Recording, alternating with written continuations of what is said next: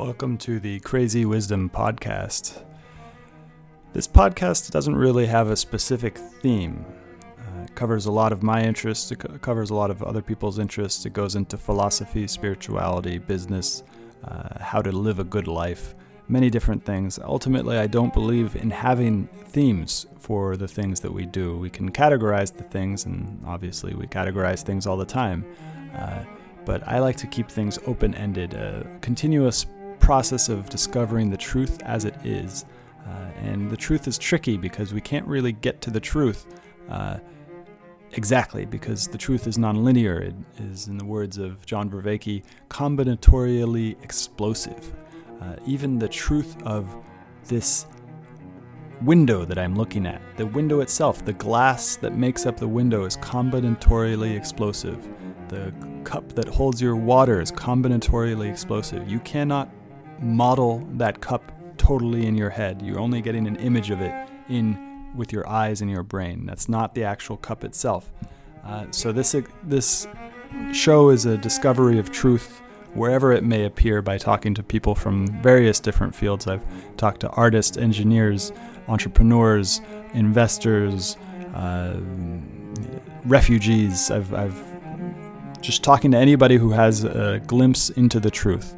Uh, and through this conversation, through this mutual inquiry into what is true, what is real, hopefully we get to something that is helpful for to you. Now, we are in a time of crisis right now, uh, but it is in those times of crisis that we find our strength. And so, this show hopefully will help you to find the strength that is resting, that is deep inside of you, that is part of your birthright as a human being, uh, and find that strength so that you can get through these difficult times. Also, I want to let you know that I'm offering breathwork sessions uh, every day. I've got seven sessions a day. Uh, and really excited to bring this to people. People have been really enjoying it, and it has brought strength to people and courage. And, and that's my that's my goal is to help you find the courage to uh, not only survive but to thrive in the next couple years, maybe because this virus is not going away. Um, it, it, usually viruses come in waves. Uh, so this is the first wave. It will go away, and then it might come back. I'm not saying that I know for sure it will come back, but we are in this for the long haul. So this is a uh, marathon, not a sprint, uh, and I want to do everything I can to help you not only survive but to thrive. Uh, so. If you are interested in that, please find me on Twitter at Stewart Alsop III. My DMs are open. I'd love to hear about what you think about this show. Uh, also, it'd be very, very kind of you to both subscribe to the show on Spotify, Stitcher, uh, iTunes, many of the major pot plat- platforms. And if you're really feeling generous, go ahead and give a review on iTunes. So join me for the breath work. Just send me a message on Twitter at Stewart Alsop III with your email, and I'll add you to the email list where I'm sending out emails for the schedule. Uh, hopefully, see you there. Have a great day. Add a few extra letters in there. Welcome to the Crazy Wisdom Podcast. My guest is Ashton Sabo. Uh, he is a yoga teacher, and uh, we're going to talk a lot about yoga, particularly, I imagine, tantra, tantric yoga, but not the um, neo tantra, which is the new age tantra, but the old school tantra that may have come around in like 800 uh, AD in Kashmir, India. So really excited to have you on. Welcome to the show. Thanks. Happy to be here. Yeah. What was your first kind of inter- interaction or encounter with tantric yoga? Well, um, I mean, I, would imagine the first encounter with it was like most Westerners w- was with the neo tantra variety. Uh, of like, ooh, here's this yoga stuff, but then there's this tantra stuff about sex and like prolonging your your you know stopping your ejaculation and prolonging orgasm. Um, but then my my second yoga teacher training I did was actually with the gentleman um, in Thailand who uh, he stopped calling his trainings tantric because everybody kept coming there, be like, "Hey, what, what about the, sex, sex stuff?" And he's like, "I don't, I don't teach that stuff." Um, now he teaches much more like Shaiva Siddhanta, even though um, he's you know he's not going to advertise it as that either. But uh, it's a little bit more conservative, a little bit more orthodox, South Indian. Uh, so uh, sort of more of a blend with Samkhya and things like that, a little bit more dualistic. But it was definitely my my introduction to like the the real practices behind this stuff, mm. which was really exciting to me. Now there was a real big disconnect at the time though because we were getting these practices that were like the experiences were like, oh man, we're all one, we're all connected, this is amazing. And then like the philosophy he was getting, this is all illusion and get past it and transcend it. And I'm like, wait, I'm confused. like if, it's, if we're all connected and it's like this is the guy, where's there to go? Like where are we trying to get past? Um, and so, but that's what really kind of led me down the, the rabbit hole in particular of, even though it's, you know, a more contemporary term of, of Kashmiri Shaivism, uh, of, of like these, these traditions that really took a really radical approach. I mean, even if you look at a lot of the Tantra, authentic Tantra that's out there and coming over to the West now, it still tends to be of the Sri Vidya variety. Uh, you get a lot of like from influence from like Rod Stark, Rod Stryker, and then the Himalayan Institute, things like that. Of you get more of that kind of, you know, you still got the Vedas in there, and you got these other things, which in North India they're like, no, like we're we're doing away with that stuff and we're doing our own thing. Um, because it really was radical in their approach to to living. I mean, to me, it's a very mature way of looking at like how do I work with being a human being in the world. Mm. Uh, and it, it, really is the most mature system that I've come across with that. And, and it, it, gives me voice to the experiences that I've had over my life, where a lot of the other ones would be like, yeah, that's cool. Or like, you know, the transcendent, the transcendent type of, uh, or transcendental type of traditions are like really sexy. Because it's like, ooh, you mean I could just like avoid all of life and just bypass all the difficult stuff? Yeah, yeah. This is amazing. Like, sign me up. I'll just skip all the hard things.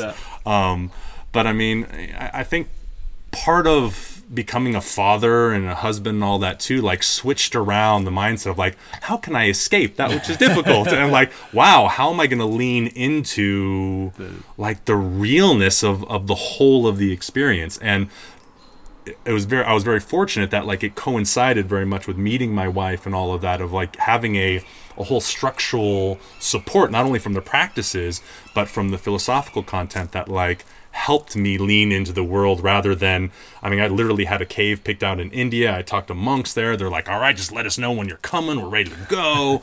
Um, Wait, what, where's the cave? Where was the cave? Uh, it's in North India. So, okay. um, uh, if you're uh, familiar with Spiti Valley at all, yeah. Uh-huh. Okay, so do you know where Nako is? No. Okay, um, there's a spot kind of like halfway in that loop of Spiti Valley. It's near the Chinese border. Uh, um, the Dalai Lama's been there. You, you can't actually get there by road, so you go to Nako, and it's like a it's about a day hike, uh, a day and a half hike sort of thing. Um, and then there's a little monastery. There's a little town that also no roads, which they got this really cool Milarepa statue with like um, mold hair that like based on the way the mold is going like supposed to say about your karma uh, but then like another on a few hour hike from the town there's a little retreat center uh, and it, it, was buddhist yeah. but they didn't care that i wasn't a buddhist yeah. um, and so they're like, oh yeah, no problem. Um, just you know, send us a letter when you're we're gonna come, so we can know you're coming, and we can prepare food for you just for one meal a day. I was like, sweet, because uh, um, so that was it. Interesting. So you prepare the food, and then they would, um, and you have a monastery, or you have a cave that you just live in. Just live in, and they just like, cool, just you stay there, do your thing. We'll bring you one meal a day, and uh, un- leave you undisturbed otherwise. And so you had that cave picked out, and I want to go back to the cave. But then, but then what happened? Then I, I met my wife. Uh-huh. Uh, we fell in love. We we we ended up uh, getting pregnant, and uh, life called me back in. You know, and I'm as much as I'm like frustrated that it did. I'm I'm very happy that it did because I can also see how. I mean, if I'm being honest, but like immature I was with my approach to so much because it really was like life is scary. Life is people are freaking nuts.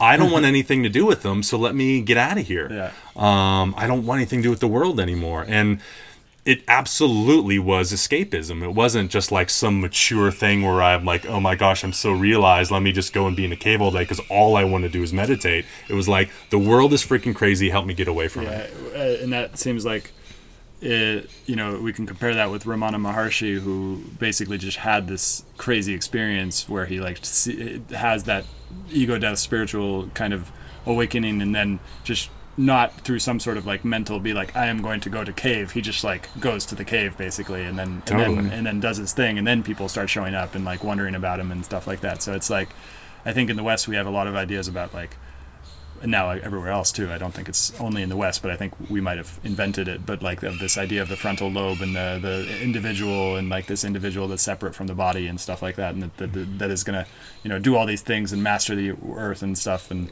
and I think that gets us into a lot of trouble when when it meets the kind of deep um, and it wasn't only in the East too. It wasn't only Kashmir Shaivism that started to talk about this, but like Augustine, Augustine also went into the cave, and like asceticism has been a deep part of the, the Western tradition as well. So totally. Um, but yeah, I think I think there are a lot of miscommunications that happen once, particularly once we go we go our first experiences of yoga are in the in the in the kind of yoga studio and it's all about the physical body and it's like oh you don't have to do any of that stuff. You don't have to this is up to you this is a personal choice as to what you want to take on with this stuff and you don't need a teacher. You can do this all yourself. You can just find your way through it and stuff and that mm. seems really dangerous. For sure. Yeah yeah. Well, and, and, when it comes to a lot of the practices, whether they even be the, the physical practices that are leading to the, the movement of prana or the, the exercises and practices just with prana itself, like they're just mm. going to magnify mm, what's already there. So if you were a jerk before you start doing these practices, they're not going to make you a nice person by doing them. They're going to make you a bigger jerk. They're just going to amplify the energy that's there. And we see that especially without like appropriate instruction in the yeah, West, yeah. where you got all these people doing all these exercises, whether it's kundalini or even just regular asana, and they're like getting all this energy, but they haven't done any of the other necessary, whether I mean, like Western psychological work or just working it from that perspective perspective, or there's plenty of perspectives and avenues from the East, but like without doing that difficult work. So it just amplifies all the stuff that's there, and that's super problematic because yeah. that creates all kinds of psychosis, all kinds of stuff. So mm. it's it can be um, interesting trails to travel on for sure particularly and this is I've been watching this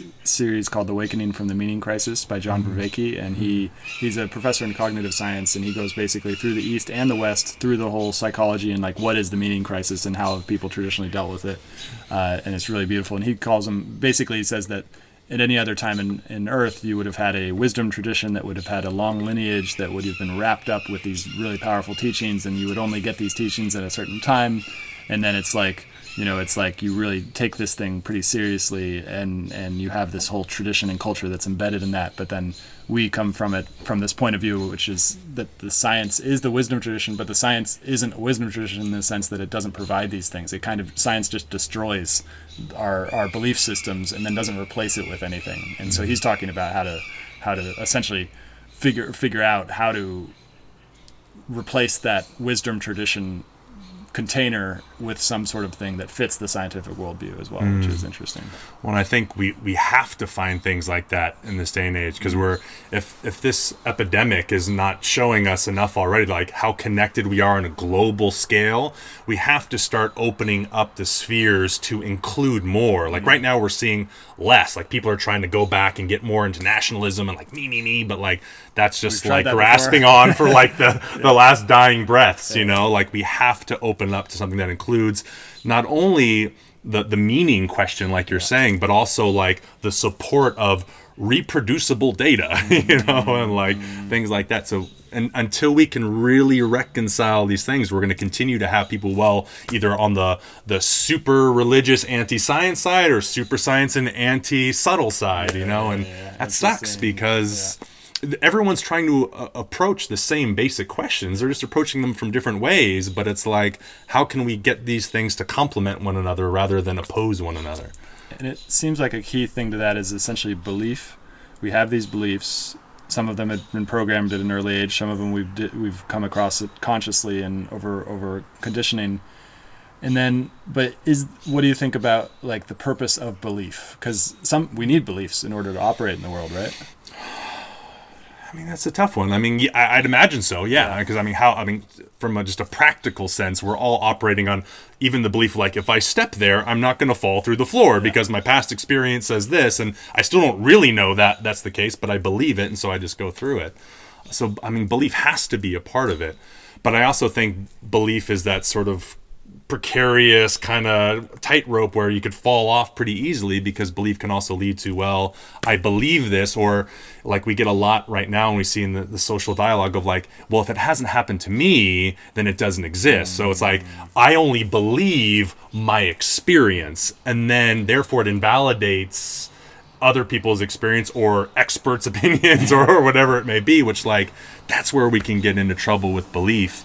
Um, we have to be mature enough to recognize like well my beliefs might not be informed by enough data to make a really accurate assessment of this. So i need to rely on somebody else who who who does fit that category versus thinking i need to know it all by watching three youtube videos and like you know doing like studying or reading one book. It's like oh how about somebody who's dedicated their life to that? Um, so it's a challenge for sure but i mean it there uh, when we're talking about wisdom traditions in particular there is that almost exclusively through all of them. Like there's that moment where like you have to put aside all the things that you already assume your beliefs that you've already had to move into something else.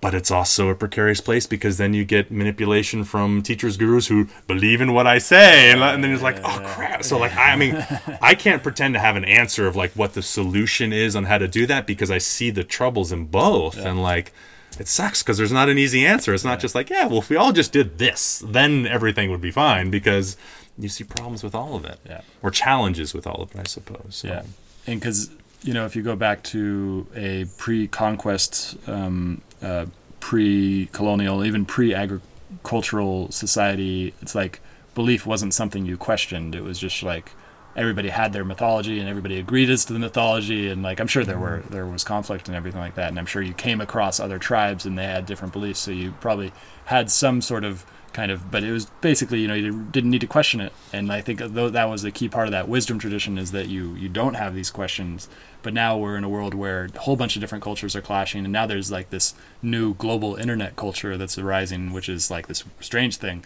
uh, and so it's all it's all clashing in all these different ways and it's like so and these beliefs that are oftentimes so contradictory are, are, are clashing now all the time 24 hours a day seven days a week from the internet. And uh, yeah it's just like where do we go from here? Because there you know this global internet culture is taking over and now i can have a conversation with somebody in malawi and we can kind of have a very similar frameworks as to how do we approach things but then also very different um, and so it's gonna get. It just seems like it's gonna get really confusing because now each of us as individuals has to go through each one of our beliefs and figure out, well, you know, is that true? And that takes a lot of energy, I think. Yeah, mm-hmm. but maybe also leads to energy conservation. I don't know. one of the things that I'm I'm finding about just within myself and, and with the practice of, of tantra, and, and this is an oversimplification, of course, but tantra is is looking towards connection first, and then all of the other stuff. Um, and it's been my experience through through a lot of other traditions, whether it even be like spiritual traditions or even the concept of like Western psychology and stuff of like you establish boundaries and differences first and then you do it versus look for the connection first. And um, I, to me, for me at least, that has been really, really helpful to recognize that difference because I find like I come from a, a family of, of of educators, and so like debaters, know, like you need to have an argument ready to have an opinion and all this sort of stuff, and it was really much like cool. Let's establish where our boundaries are. Like let's put up our fortress and defend our territory, and that I mean, while it, I mean, it, it's fine and it works in some avenues, like it also kind of sucks. And you see this on the internet through social interaction. It's like, here's my differences, so I'm just going to yell at you over my wall and not really hear anything you're saying, anyways. And you're going to yell at me over from your behind your wall, and nothing happens.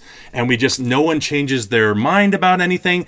They just get more angry all the time now. And I, I used to like five years ago, be like, oh man, people on the internet would never act the way they do on the internet, they do in person. but notice in the last couple of years, like, no, people are acting like that in person now too, because there's no more connection. Because you used to like, well, th- the person that's yelling at somebody on Facebook wouldn't yell at that same person in real life. Now they do though. Our, our I mean, our, our social interaction is broken down so much now, and you know we don't need to get into like examples in leadership as to why that might be, but we can we can avoid going down that rabbit hole.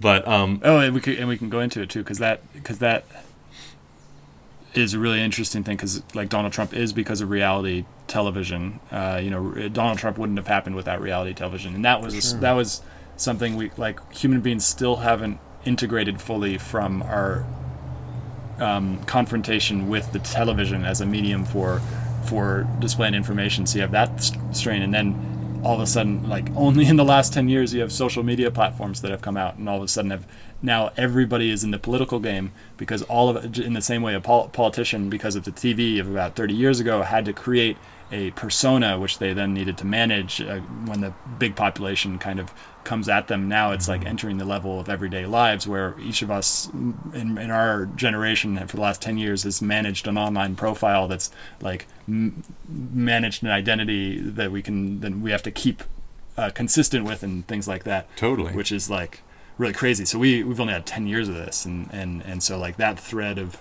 of of Donald Trump like now we're starting to see it which is you know Russia essentially attacking our nervous system uh, and our democracy because it's it's they're injecting doubt and fear into the into the thing with fake bots. It's like yeah, it's gonna get it's gonna get intense. I think yeah. Well, it's going to continue to. I mean, from all avenues right now, mm. internally and externally, like we're mm-hmm. seeing this full breakdown of things, and part of it is because we don't know one what to believe anymore. We were mm-hmm. talking about belief earlier, like what, like what's true, what's not true. I don't know. I'm getting bombarded with so much information, and then because we're getting bombarded with so much information, it's leading everyone to really protect what they believe to be true, and then they just like vomit and fight it. And like it's just like this gnarly battle for all of it instead of like wow wait a second how do i with the person in front of me even if it's digitally how do i connect first and then engage those mm-hmm. conversations oh. because you will have a better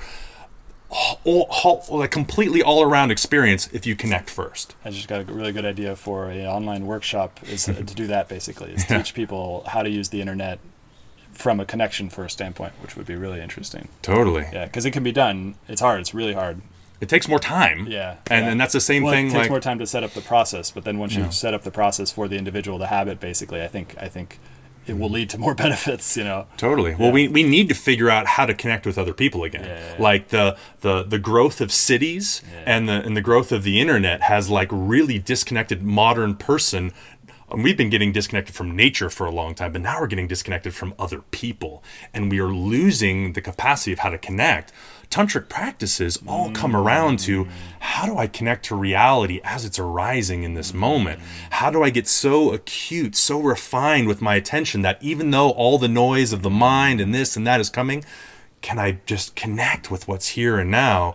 And the more proficient we get at that, the more adept we get at like, wow, now here's another human being in front of me. How do I connect to them under underneath our different beliefs, mm. underneath all the external noise that's there? How do we find that first? Mm. And I mean, I think being married has been a huge blessing and, and, and understanding that for me because also even in the relationship sense um, you know before my wife it was very much like well you know i'm over here and i'm i'm in my masculine and like i'm just being the witness and you're having emotions over there and you're feminine and like all this just ridiculous nonsense that was just more and more separating creating more and more division. And it's just like oh no here's a person in front of me that i love. I don't need to like observe and report. I need to connect. And so like it was just such a, a wonderful or fortunate for myself timing of like when I started really getting all of these practices coming at me and time with my life and my wife and all these sorts of things to really say like stop being a jerk and like engage with the world. Yeah. Uh, and I mean, that really comes down to it. I was having this conversation with a friend just the other day. Like, I know the practices don't make you a better person. Um, the, the traditions themselves used to help to, to corral that more. Like, that would help to guide all the energy that you're kicking up. Um, but at the end of the day, even though the practices don't make you a better person, if you're not becoming a nicer person by doing this stuff, my opinion, you're doing it wrong. Like it's just as easy as that. Like, what's the point of doing any of this if it's not making you more able to relax into life? And people that are relaxed in life are, are nicer people. Um, and when I see so much just energy and aggression and anger and blah blah blah, it's not that those are bad and we need to only feel like namaste, good emotions. but it's like when I lose my crap, Yeah. It usually takes some time. Maybe it's right away, maybe it's five minutes, maybe it's a week or two. I realize like that was me losing my crap. That wasn't some like divine spiritual. I was so aligned right in that moment. I was disconnected and I was ego and I got upset. And like the capacity to recognize that of like that all of my anger isn't just like some divine form of calling, which you know, in one sense, sure, it all is. Yeah. But I can I can be honest enough with myself to be like, wow, I want my practices to allow me to be self-reflective enough to realize when I'm out of alignment, when I'm when I'm disconnected from reality because I wanted someone to say something this way to me, or I wanted today to happen this way and it didn't, so I'm pissed. And it's like, wow, if I was able to hold that moment, then I wouldn't have acted that way of getting all self righteous and entitled or upset, whatever it may be. And that's really all I care about for my practices these days. Like, how does it help me connect with my life more? How does it make me a better person? And if it doesn't do that, I, I don't care if I can levitate off the floor, if I can, like, you know, like get Kundalini flying up and down the central channel. Like, if it's not helping me do that, I really don't care. And there, I mean, there are other people that do care about that, and that's fine. And there's other teachers that that's all they want to do. They want to blast you off in outer space, and I still like doing that stuff too because we that helps us get out of our mind. Mm. But like, that's not the objective. That's not like the end all be all. That's just a tool to get to help us realize this thing called like life and our connection with it. Mm. And that's that's really what I love about the approach through Kashmir Shaivism too. Is that it always comes back to like, and it starts with oneness first. You know, Chaitanyatma, like it's all consciousness, it's all one. Start there. And that that to me has been just utterly revolutionary for my whole life. And there's something you said. There's two things. Well, that what you just said about it, it's all consciousness. I want to talk about the revealing and concealing part of that because that was a mm-hmm. really interesting part that I read from Christopher Wallis. Mm-hmm. Uh, but then something you said earlier made me reminded me that there's this kind of unconscious perception most people have that I'm fucked up, but the rest of the world. Maybe it's only a few percentage of people, but I think a lot of people have this misconception that I, there's something wrong with me, mm. But the rest of the world, there's other people who are perfect, and those, the, the, you know, Those are the gurus. Yeah, they're, they're- the ones on the pedestals. gurus, yeah, yeah, yeah, yeah, yeah, because they're totally perfect. there they got it all figured out. their their poo smells wonderful.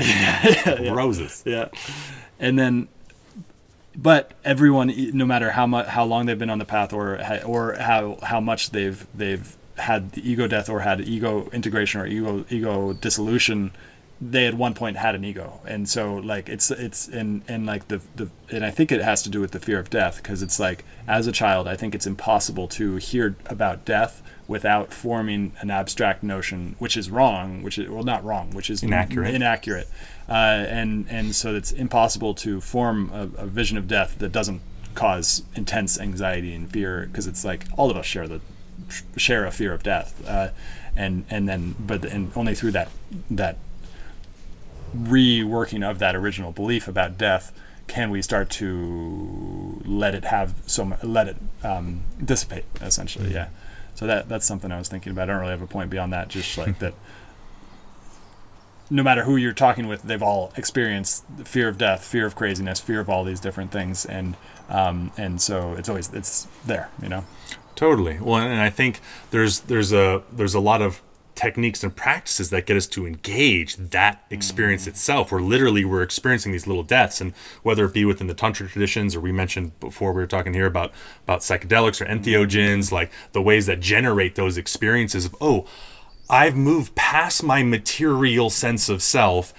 I'm conscious but there's something more than just like what I'm afraid that's going to get injured or die. Mm. And that's we we need those experiences to get us out of this. It can lead to the escapism. I want to be in that state all the time and I just want to be in samadhi all day long. and you know, it gets us to that escapism of classical yoga and even hatha yoga, right? But like uh-huh.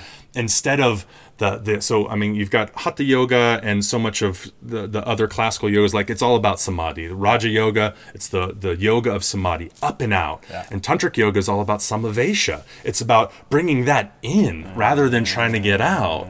And so that we're we're drenched in samadhi all the time in being rather than samadhi as some other state that's different than the state that you're in. Interesting. Because yeah, because if there's a state that you're not in and that you want to go into that state, you've essentially set up the conditions where you're not in that state, and, and, yeah, totally and that, that that there's something other than this state that, That we need, need to get to so therefore i need i'm suffering now because i'm not in that state and that's that's another trick that the mind's just going to play to keep getting you going there and that's that's one of the reasons why i said like this this form of tantra is so mature because it's kind of worked through all those ways that we like sneak around dealing with life. It's like no, no, you actually still have to do it. It's like you know, like math homework as a kid or something. Like you still got to do your homework, like no matter what. Uh, it's just one of those things. Um, What, so, why do you think it was that in 800 AD or 900 AD in Kashmir they, they all of a sudden were able to? I'm sure people had had, had those realizations before, but I don't think they've they had ever written them down in that way or articulated them. What was special about that? Well, I mean, so uh, the the, the thread of of of Kashmir Shaivism started more around like 400s uh, of, of AD, but it was still more dualistic at the time. And and I don't know, I'm not a historian, so I mean, I can only speculate based on the little bit that I know about history of the time, and then just kind of my own intuition around it. So as long as I clarify that it's that, and it's this isn't based from like I'm a I'm an academic historian. yeah, yeah, yeah. Um, but it, it seems very reasonable to me that you've you've had a culture that has valued um, the the subtle, right? So I, don't want to say spiritual because it's all spiritual, and nor do I want to just say the transcendent because that's just part of it. But like the subtle world, and we live in a world now that's very materialistic, doesn't care about the subtle. But you had a culture that was all about the subtle for a really long time, and when we're talking about the subtle, the obvious is really distracting. So when you're hmm. you're sitting down to meditate, every sound, every thought, it's really distracting to experience the subtle. Every relationship, every bill you got to pay, it's disturbing how easy it is to contact the subtle. So what do you got to do? You got to go up in the mountains. You got to go to a cave. You got to you got to transcend life. You got to get there so you can have this experience to realize there's something more than just your senses. And that's vital. And and tantra will still like wants us to go there. They they don't like forego samadhi. They're like, look, you need to experience something other than just being here. But that's that's not enough. It's not it. We have to go past all of that and well past in a sense um passed through, you know, like uh, like like the no point. Somebody, yeah, mu. Somebody was talking about the Taoist concept of mu, which is not yes, not no, but the, you know, like yes or no is not that that question that leads to yes or no is the wrong question, basically. Yeah. Totally, because it keeps us in that dualistic game. exactly, yeah. And so, really, what we're trying to do is come in that place of just like radical oneness, of just like being with this moment means if I'm experiencing my senses right now, they're not a distraction, they're an invitation into the subtle. And I mean, so many of the tantric practices, you look at a beautiful text like the Vijnana Bhairava, mm. which is all just like taking everyday experiences and learning how to utilize those to go deeper inside yourself. Not to, they might knock you into a state of samadhi, that's fine, but that's not the point. The mm. point is so that if you're there, I mean, some of the great practices and the, the sort of standard do all the time, every time you're doing these meditative practices that get you into some state, the most important thing is the way that you integrate back in. So even in a, in a, a modern sense of like a a way that you know, the typical Westerner might experience, like at the end of a shavasana type of thing, you don't just, oh, teacher's talking, let me get on out and sit up and like plan the rest of my day. Like the way that you come back from that is really important. If you just go right back onto autopilot like you were before you started practice, what the hell was the point of the practice? It was just another escape. But if that that that practice was the gateway, the segue into you living more mindfully and more more more integrated, uh, more present, then like that's that. I mean, to me, anyways, that's that's what I want from the practice. That's what I ask from the practice, and that's what it gives. Mm. Um, but it requires that like you know, it's a lot of that Ganapati Ganesha energy of like that threshold. You have to recognize when you're crossing over different thresholds, and the way that you do that mm. makes a difference in then what happens on the other side. Mm. And so, you know, we, we still like those practices that get us all looped and out of our body and out of our mind, but but at the same time. You know, all you got to do is go to, to Burning Man. You see all those people, like, oh, I'm one with the universe, bro. It's amazing. And then, like, you know, talk to them two weeks later, like, life sucks and I'm pissed off and, Yeah. you know, whatever it is. Like, what's the integration part? All of that stuff without the integration is just distraction. Yeah. And it tends to cause more harm than good. And so, like, it really is about, like, how do we integrate these practices. Um well so i mean going back to the original question i got a little off track but so you have those people and they're going to these other states right? So we're, they're going off to the cave and they're like oh my gosh this is amazing. I feel so one and blah so and then they come back and they're like oh you know like this feels different. Yeah. but the thing is those moments when we're coming back if you're if you're really regular in a meditation practice or working with with entheogens things like that you start coming back and being like but this feel I feel all one like mm. right now with my eyes open. yeah, it might be fleeting, it might be temporary at first, but it's unavoidable. Mm. You stop having the I need to get to the other state to be like, why was I trying to get to the other state? Like this is amazing too. And that's when it really starts to shift of mm. like, oh, okay. Well, you know, that's something my, my Japanese jiu-jitsu sensei used to always say that always sticks with me. It's like, look, any asshole can find peace up in the mountains. Mm. It's peaceful. You don't have bills to pay. You don't have cars honking their horns. Like, you just get to be up there and, and be in peace real attainment is that peace in the city mm. and that that's what it comes down to is like okay cool you can be at peace when it's peaceful what the hell's that matter? Can you be at peace when it's chaotic? That's that's attainment. And guess what? Life is always chaotic. I mean, if, if you're in it, yeah. it is always going to be chaotic and unpredictable. There's always going to be more unexpected yeah. than expected. And if your life is predicated around controlling it, yeah. hello, like classical yoga, hatha yoga, I'm going to control it and manipulate it and make it do what I want.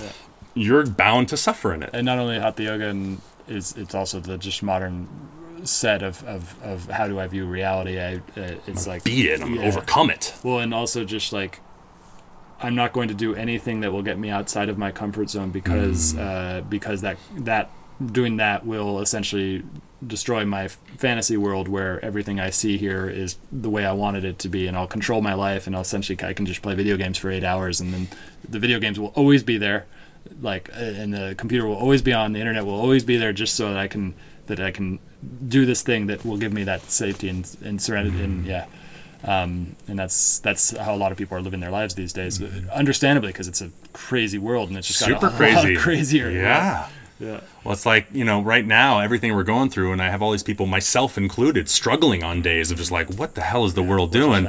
And people, some people are like communicating, like, by sharing, they're like, oh, and I feel bad about it. It's like, what are you talking about? Like, if you're not anxious yeah. right now, I, I, think you're not paying attention. yeah, like, yeah. in the state of the world right now, if you're not having daily bouts of anxiety, you're not paying attention. Now, that doesn't mean like, let's all just be anxious together. It's like, I mean, we got to learn how to do something and digest it a little bit, not get rid of it because. I mean, if you're the only way to get rid of it right now, not to be anxious completely, is just to not pay attention. And that's not the solution either. Not paying attention right now is going to get us in a lot of trouble. We need everybody paying attention. Mm-hmm. And but again, I mean, it brings up so many other things of like the white savior syndrome and people like, so then we need to go save the world and give them the right information. And it's like, oh crap, now we, we get caught up in another, because everybody thinks they got the right information. They all think they're saving everybody else. And, and as so, soon as you go to somebody with that thing, it creates a division between that. Exactly. So then we go division again, then we're separated again, now we're yelling at each other again. And it's just like, no. Yeah so how do we how do we integrate? What is what what are do you know any of the, the practices themselves? Is it a practice or is it an attitude? And is an attitude a practice? Yes to all of those things. I would say. yeah. You know, like I mean, there's practices that we can do that are are mechanical um, and don't necessarily require anything else. Um, there's attitudes we can take that don't require any practices. Uh, and then there's the efficacy of the practices when we integrate the attitude. Mm-hmm. Uh, so I think there's cases where in appropriate times in each individual's life for any of those yeah. too. Sometimes like I don't want to be bought like when the when so when the the pandemic first hit, it was very much like I was full power already, and so it's all just like, you know, practices and let's dive into philosophy more, and let's this is the time. Mm. And then after a while, it was like, this just doesn't even seem important right now. We're, I'm like like reading Sanskrit and like who gives a crap? Like my family's literally right in front of me. There's a world pandemic. That's where life is. That's where it needs to be. That's the integration piece. So it's like we got to find that at different times in our lives there's different times for different practices. Sometimes we just have to bring our attention to living what that practice is. Sometimes we need to like hustle mm. and do the yeah. do more of the practice to get things yeah, going. Yeah. And other times, hopefully, we have a nice balance between both. Mm-hmm. Um, but I, am I'm, I'm not an absolutist in that like this is how you have to practice. It's got to be this way, and this this way is wrong. It's like well today, well. I'd be careful also with the today because then it leads to which we get up a lot around here. What am I going to do? I'm just going to go with the flow. What do I feel like? And then you're just a victim to your impulses. so, but it's it's this idea of like, wow, what what genuinely uh, with some, from some breadth and some foresight, like what's going to be the best way for me to approach it. And it can be organic, um, but I don't I don't think necessarily that should be, you know, what you're feeling yeah, yeah, either. Yeah, but but I mean, obviously that has to be part of it. So then, what what is because uh, this reminds me of uh, essentially like freedom, and essentially we don't want we don't want to be slaves to anything, mm-hmm. um, whether it's emotion, thoughts, body, or anything like that. What is freedom? So um, uh, for that, I'll, I'll steal from my my sensei again. Um, because he always taught like people think that freedom means getting to do what you want. And that is actually slavery. Because what that means is you're actually a victim of your impulses. You will just do whatever it is your next impulse is to do. And that's programmed by culture, by society, by the food that you had, all these different things that are outside of your control. Real freedom is discipline. Mm. And and while we don't get that much in yoga circles because it's so airy fairy, go with the flow, like that's a central part of all martial arts is discipline, and it's a central part of like most spiritual traditions outside of our kind of weird new agey go with the flow kind of thing that like mm. you need a discipline, mm. and again that discipline can be different based on your lifestyle where you are in your life all of these sorts of things but we absolutely need discipline. Mm. That's where freedom comes because guess what? When you wake up in the morning early you probably aren't going to want to go up and do a practice every day mm. but the discipline to do that gives us these prolonged benefits mm. and it's necessary for that Well, and it's it seems like discipline is the is necessary when you're establishing a habit. So like when sure. you're when you're when you're when you're not in a state where you realize something's up with your life and that there are these mechanical practices that you can do that can give you the solidity of, of essentially in that first part that that requires that discipline to set it up but then once you've set it up and then there's this meta thing where once you set it up enough times with these all these different practices you can then apply it to anything and establish the habit much faster as well which is really interesting i think yeah Absolutely, and I think I mean, uh, not to to to uh, be a broken record with this, that also can lead to then the possibility of deluding ourselves again and again. Well, because I've clearly done these practices and integrate, Yeah. so I don't. Uh, this must be you projecting right now, you know. Like, but that that's that's both the most frustrating thing and the most beautiful thing about an approach like this is because you have to stay honest with yourself. Mm. The second you stop being honest with yourself, then then we're getting in trouble again. And like, I mean, that's why I, I feel so blessed to have a family because they they keep me honest. They don't let me get caught up in some like uber spiritual yoga. You know, they're gonna keep me grounded. And like, we need something. Now, it doesn't need to be a family. It can be whatever it is that grounds an individual in their life. It mm. could be good friends. It could be you know whatever it is. It doesn't even need to be other people. But maybe it's a practice that grounds. But like, we need something that's going to keep us honest and not get caught up in the fact that again those transcend- transcendental traditions are all about arriving somewhere mm. Where's there to go Yeah. in, in this tradition? yeah. There's nowhere to go. So it's like it's a constant relationship. Um, you know, I equate it like the like the laundry or the dishes. The laundry or the dishes n- are never done. You might like finish a cycle of something, but there's always more laundry to do. And it's the same with all of this stuff. Like there's always more to integrate. There's always more to digest. So you have to stay well, you don't have to, but unless you stay open to that, then then you're going to start to get yourself into problems again because if we don't see this time and time again with especially in the realm of yoga of like some yoga teacher being like cool great yoga teacher doing all this sort of stuff really like whether it's an asana teacher or just teaching the the, the, the mental side things like that like they just start like first they're sitting down on the ground with everybody then sure enough soon they start putting themselves on the little stool that's higher than everybody and then they're up on stage uh-huh. higher everybody and then all of a sudden they've got their team around them that no one else can touch them and before they know it like they think that they're walking around floating around on life. I don't you know i don't know. And that's a really interesting point you bring up because it ta- it's like it happened I think a lot in the 70s where the star gurus would come around and they came from a totally different culture with totally different um, norm, norms as to how to deal with men and women and all this di- and all this different stuff and power and all this things.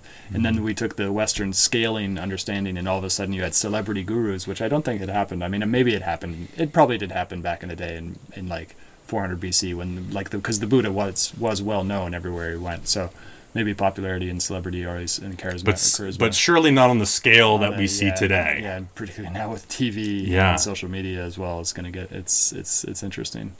Um, and then something you mentioned earlier was something I got from Christopher Wallis, which is that the good feeling and the pleasure. Most of us get motivated to do these practices because they be, become pleasurable at some point, and then they're like, we want that more of that pleasure. But then Christopher Wallis said is really good, which is that as long as the goal is pleasure, you're going to get sidetracked. Absolutely. As long as the goal is truth and pleasure is a byproduct of truth but it has to be remained in the truth and that seems like a, it's a good point for that integration part. As long as you're mm-hmm. centered on the truth and the truth itself is like a you know we can get really philosophical on exactly what that means, but there is a truth to this moment, to this interaction right now, and we can we can maintain that truth, or we can go off into fantasy world and stuff like that. Well, my, my very first tattoo says always search for the truth. Ah, you know, like it's that's like the primal thing of like happiness, joy. Like if you do that, you're you're gonna be miserable your whole life. But like if you're just on the pleasure train, um, but if you're you're looking for truth, sometimes truth is not pleasurable. Yeah, sometimes yeah, it's super uncomfortable. but once you've integrated that truth, then life becomes more pleasurable. I would say. I'd say as a whole, but also, you know, I mean, that's where we get the the Sanskrit word ananda, which ananda doesn't have an opposite, Uh-huh. Yeah. and it doesn't mean happy. Mm. Like it's translated off as like joyful and blissful and stuff like that. But in our American minds, we just kind of tend to think of of like it's like a really happy state.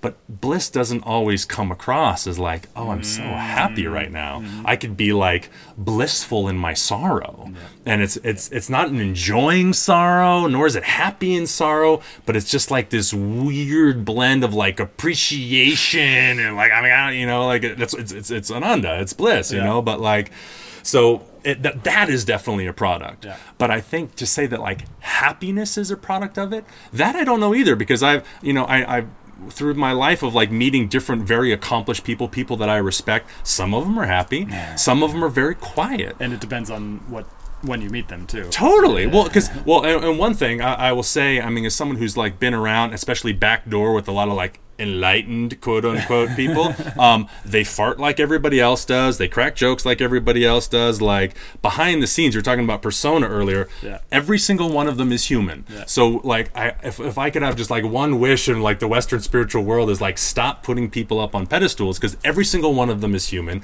They all have problems just like the like we do. They might have like done some work and got some tools that really help them. Mm. But they're all going through this human experience like us. No one's like somehow magically now elevated above all the problems Yeah. because that just now now we're in bypass central again and, Yeah. and power dynamic, all sorts of problems that come from that anyways. And especially if the person itself believes that. that Now I've somehow arrived. Mm. have no shadow. Yes, and I am I am above all of this earthly stuff. I'm like, cool, thank you. Which way's the exit again? I'm, I'm gonna go that way. Thank Yeah, you. yeah. Cool. Well, it's been a lot of fun. Um, uh, do you have anything you're working on right now that you can share with listeners?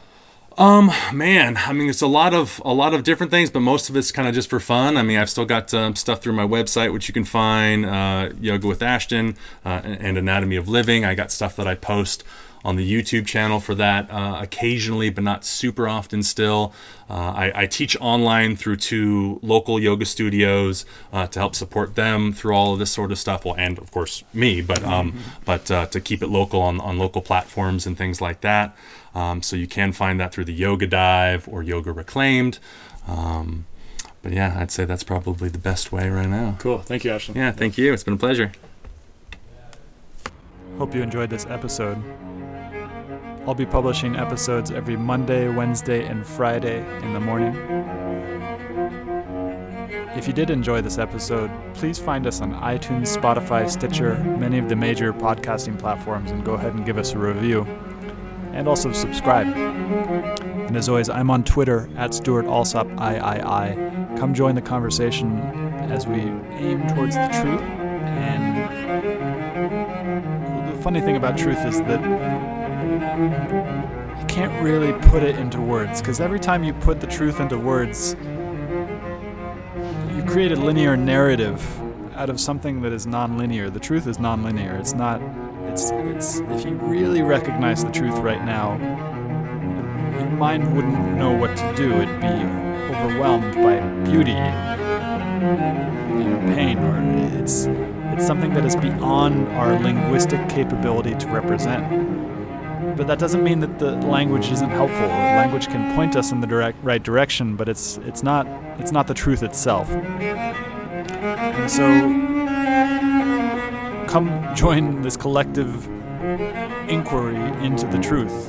Find me on Twitter at Stewart Alsop III. Uh, subscribe to the podcast. Share the podcast with your friends. Uh, most people don't have the ability to let go of this linguistic understanding of the way that the world works and just aim for the truth regardless of what the language tells us. Uh, and so I think what I'm doing with this this show is is necessary for us because as we enter this stage of uncertainty, Uh, and we are most definitely entering an age of uncertainty. And as we do, it's really, really important that we stop paying attention to what the mind is telling us all the time. Doesn't mean to say that the mind doesn't have its place. The mind obviously has its place, but it's just one of the senses. It's just one of the tools that we can use. We can use the mind, we can use the feelings, we can use our actual senses. Uh, we can check our intuition with other people because sometimes the intuition tells us the wrong thing as well. Sometimes the intuition is wrong. So it, we can't we can't rely on any one tool to get us there. So come join the show. Find us on iTunes. Find us on Twitter at Stewart Alsop III, uh, and come join the, this inquiry for truth.